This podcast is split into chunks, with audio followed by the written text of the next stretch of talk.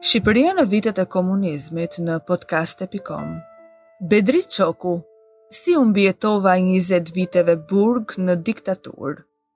Materiali i marrë nga arkiva online e viktimave të komunizmit Kujto.al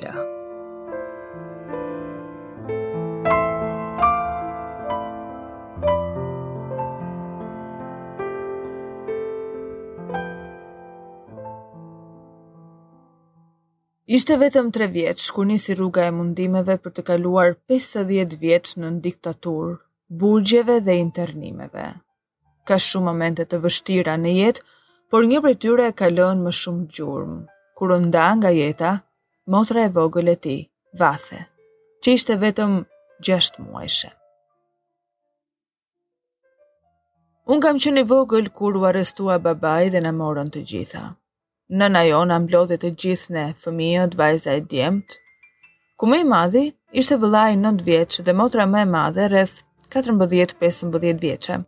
Dhe morëm rrugën për në qytetin e Fierit, ku nëna kishte të motrën. Ka qenë një udhëtim i tmerrshëm. Bëhej fjalë për vitin 51.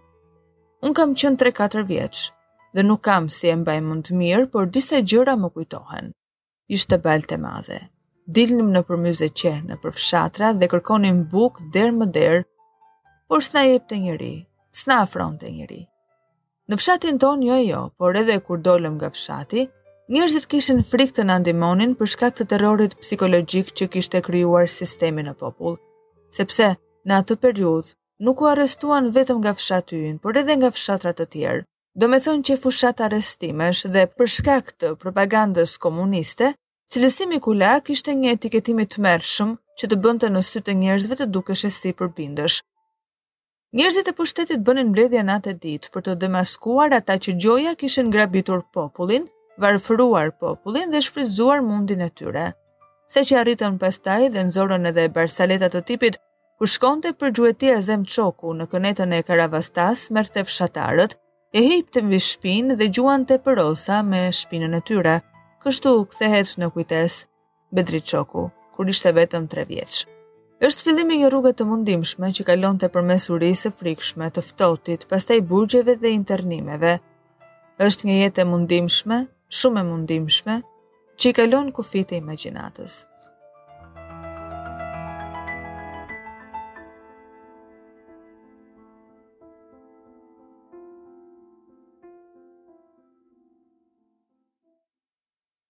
Do të mbetet për jetë në kujtesë ajo rrugë e tmerrshme nga fshati i tij i lindjes në Muçias të Lushnjës, për të mbërritur në një moment lumturie, kur do të kishte mbi kokë një çati në një vend tjetër në Fier.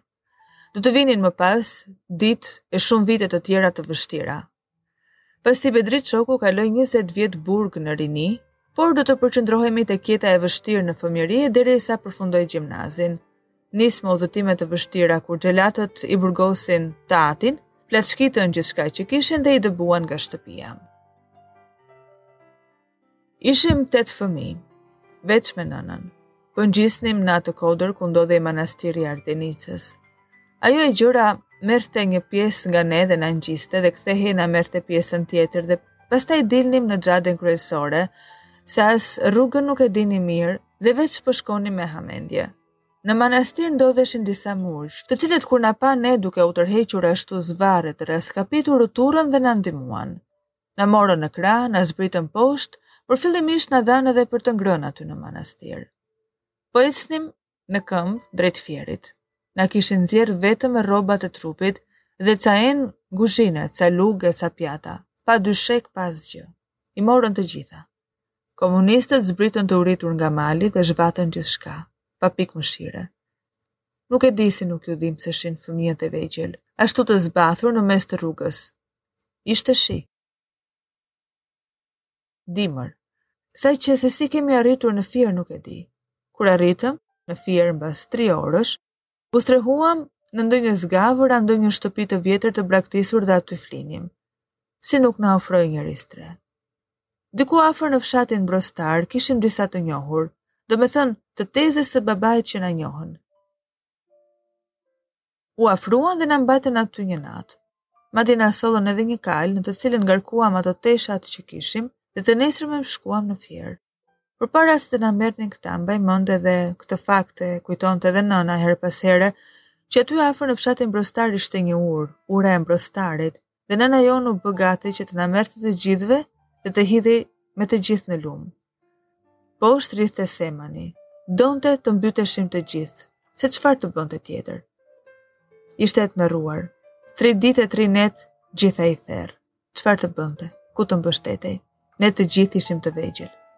Po mbaj mend që në atë moment e kapën prej fustani vëllezërit më të mëdhenj Esati dhe Nexhipi dhe bërtisnin mos, mos, mos. E ajo qante. Bile, nëna ishte shtatzënë atë kohë. Domethënë, kur e kujtoj atë skenë, nuk marr guximin të ulem e të shkruaj nga frika, se nuk do të arrij ta jap ashtu siç duhet. Megjithëse, Shkuam në Fier, nëna nuk donte që të shkonim direkt te tezja. Gjetëm një shtëpi të vjetër në Fier, pa dritare, pa tavan, që kishte mbetur aty e prishur nga lufta me sa dukej. Atje u futëm, ne fëmijët, dilnim dhe lypnim në rrugë. Lypnim se ishim të vegjël, të paaftë për të sajuar ndonjë punë. E me ato pak të holla që merrnim, nëna me vrap shkonte në furrë e blinte bukë. Merre me mend, neve që kishim pasur gjithë atë pasuri, na katandisën që të merrnim rrugët e të lypnim.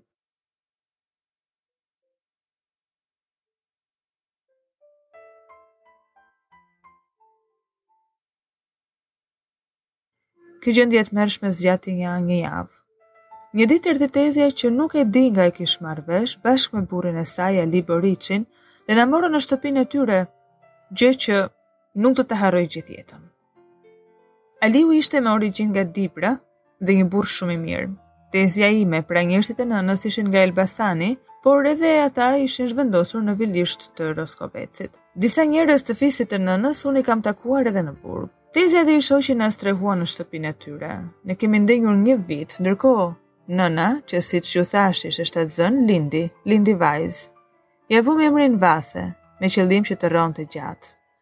Mbaj mend që isha unë që i sillesha rrotull, se dy vëllezërit e mëdhenj ruanin delet e fqinjve bashkë me motrat në mënyrë që të mund të siguronim ndonjë lek. Më i madhi ishte 10 vjeç dhe i vogli mund të ishte nja 5 apo 6 vjeç. Ndërsa nëna filloi punë në fabrikën e tullave, i gjeti punë burri i tezes, të cilin ne thërrisnim dajë Aliu. Vajza e vogël rrojti gjashtë muaj dhe vdiq. Bile më kujtohet që vëllai i madh, Çaushi, i cili është poet shumë i mirë, ka shkruar një poezi të bukur për Vathen. Babai ishte në burg, nëna punonte, bile preu dhe tre gishtat duke nxjerrë tulla, se s'dinte të punonte e gjora, se nuk ishte mësuar. Ndenji disa kohë në spital e pastaj ka punuar gjithë kohën te drutë, te stiva e druve në Fier. Me ato duar ka punuar deri në vitin 1966. Pastaj filloi punë edhe vëllai i madh. Vëllai i madh filloi punë në moshën 14 vjeçare. Në fillim e mori dikush që i jepte një rrogë fare minimale që të punonte në lulishten e qytetit, megjithëse për ne ishte goxha ndihmë. Por për një vit që ne ndenjëm te tezja, vetëm nëna punonte. Ndërsa vëllezërit dhe motrat merreshin me delet dhe shkonin pastronin shtëpitë apo gjenin ndonjë gjë për të mbijetuar. Se çfarë mund të bënte tezja e shkretë, ajo vetë nuk punonte, ndërsa i shoqi shofer ishte. Në atë kohë tezja kishte gjashtë fëmijë.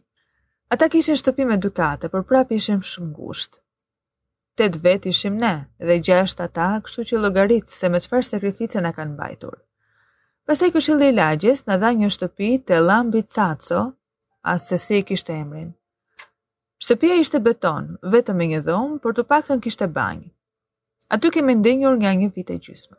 Pastaj të zotët e shtëpisë u ankuan se ne nuk mund t'i mbajmë dot se janë shumë, edhe i vunë kusht atyre të lagjes që të na hiqnin fare prej andej. Pastaj na çuan në një haur kuajsh, në haurin e Taq Bozos në lagjen Liria, që ishte afër xhadesë, pranë shkollës numër 2. Kjo ishte pa çati, pa dritare dhe pa banjë. Kishte vetëm një dollap të madh. Aty kemi qëndruar nëntë vjet. Djemtë e tij ishin lidhur me komunizmin, kishin poste dhe jetonin në Tiranë. Edhe vinte Taq Bozoja çdo muaj dhe i kërkonte qiranë nënës. I binte derës dhe me një zë të rëndë thoshte Zonjë, zonjë, erdha për qiranë. Qiraja ishte 121 lekë e gjysmë, edhe gjysmën e lekut e kërkonte. Nëna ia jepte, ishim të detyruar. Me një varfëri të skajshme, e filloi Esati i pari shkollën dhe e mbaj mend duke shkuar në shkollë me një palë shapka ngaqë rruga ishte me gurë të mëdhenj, ai kalonte gjithë kujdes gur më gur derisa arrinte. Jeta ishte e rëndë, sidomos në dimër, sepse ishim zbathur, se ku të gjenim këpucët. Me një palë rroba jemi rritur. I linte i madhi, e i vishte ai më pas tij në moshë. E kështu me radhë, se ishim katër djem. Nëna e shkretë punonte ditën e natën lante rroba. Nuk kishim as drita. Por për fat te rruga kryesore afër shtëpisë ndodhej një shtyllë telefoni e cila kishte dritë. Dhe nëna natën vinte govatën poshtë shtyllës dhe lante rrobat në dritën e asaj lampe. Ka qenë një punëtore e jashtëzakonshme. Dhe në lagje e respektonin të gjithë. Babain shkonim dhe e takonim në Vlorë, në burgun e Vlorës. Por në fillim ishte në Berat dhe e shkuara në Berat ishte tepër e vështirë. Nëna një herë merrte me vete njërin prej nesh e një herë tjetrin, sepse babai na kërkonte me radhë, ngaqë donte të bindej që ishim të gjithë gjallë dhe mirë me shëndet. Dhe kur shkonim në Berat, flinim në Urën Vajgurore. Kishte edhe familje të tjera që shkonin në burgun e Beratit, familje të të dënuarve politik, të cilët gjithashtu strehoheshin në Urën Vajgurore. Flinim bashkërisht aty të gjithë, ndihmonim njëri-tjetrin dhe ktheheshim bashkë pastaj. Mbaj mend nënën kur na mbështillte si klloçka rreth vetes. Pastaj kur e sollën në Vlorë babain, na ndihmonte shumë burri i tezes meqë ishte shofer. Herë na çonte me makinën e vet e herë na gjente ndonjë tjetër makinë. Shkonte dhe vetë sa herë dhe e takonte. Aty ashtu siç u thashë filluam shkollën. Esati i pari e pastaj Çaushi.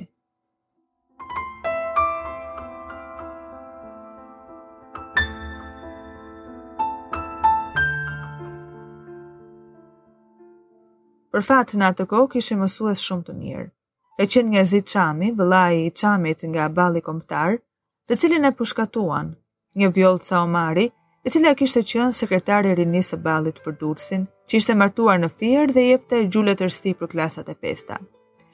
Kur shkonte nëna në fund të vitit që të merrte dëftesat tona e thërrisnin të parën, Esma Çoku, këtu është?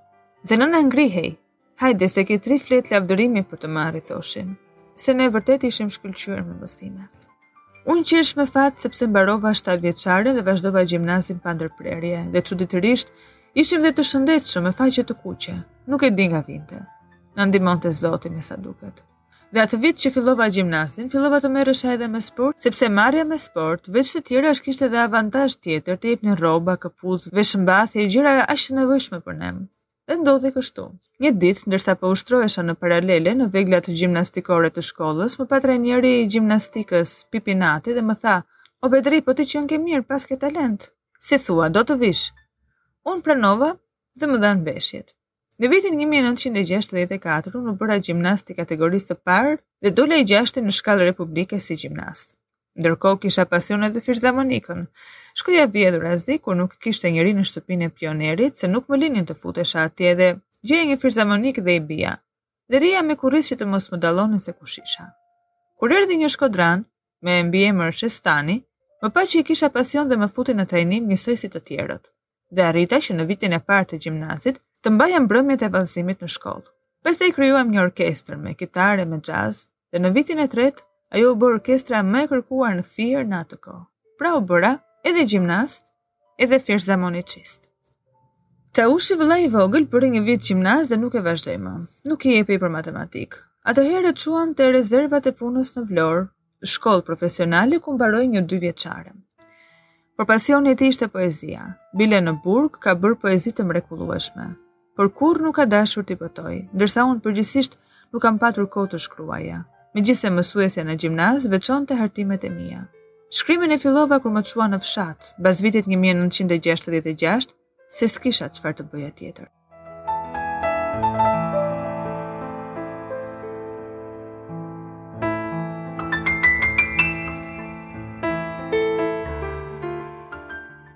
Shqipëria në vitet e komunizmit në podcast.com Bedri Çoku, si u mbijetova 20 viteve burg në diktaturë. Materiali i marrë nga arkiva online e viktimave të komunizmit, kujto pikë al.